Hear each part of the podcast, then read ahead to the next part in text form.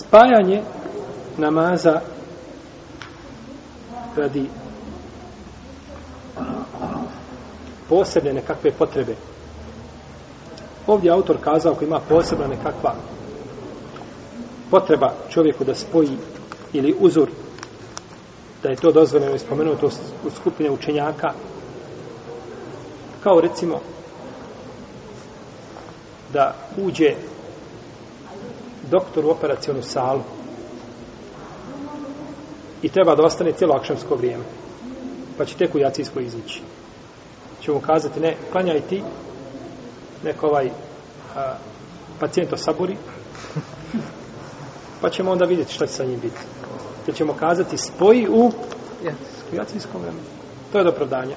Ovdje je autor čak došao ovaj, sa mišljenjem šehovi samo te imije koji je ovdje ima postljivije malo mišljenje pa kaže da bi bilo dozvoljeno i ovaj ljudima koji rade e, teške poslove, a teško im je opterećenje im da im svaki namaz u njegovo vrijeme i tako dalje. No, međutim, ovo je jedno mišljenje, drugi se nisu složili što šehol islamom ovaj, po tome pitanju, a, tako da je preče izbjegavati znači spajanja u takvim slučajevima.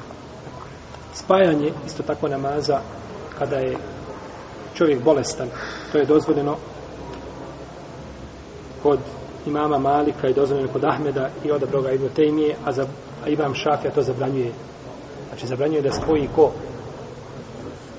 I ima hadis od e, Hamne bintu Đahš, kada je bila u istihavu, da je spajala namaze, no međutim, oko njegove vjerodostojnosti ima spor i znači bilo bi dozvoljeno bolesniku da spoji namaze, ako je zaista za njega veliko opterećenje, šta da? kanja svaki namaz u njegovom vremenu. Znači, mu poteškoću stvara, ne bi nešao tada u tome slučaju smetalo, a poteškoća to da je čovjek bolestan i da spaja namaze zbog toga nije ispravno. Puka bolest, jer čovjek koji radi teške fizičke poslove, treba kanja svaki namaz u njegovom vremenu, tako. Treba i postiti. Ne može zbog toga što radi fizički posao koji teži da kaže ja neću postiti. Nego treba da posti. Osnova je, znači, osnova je da treba da posti.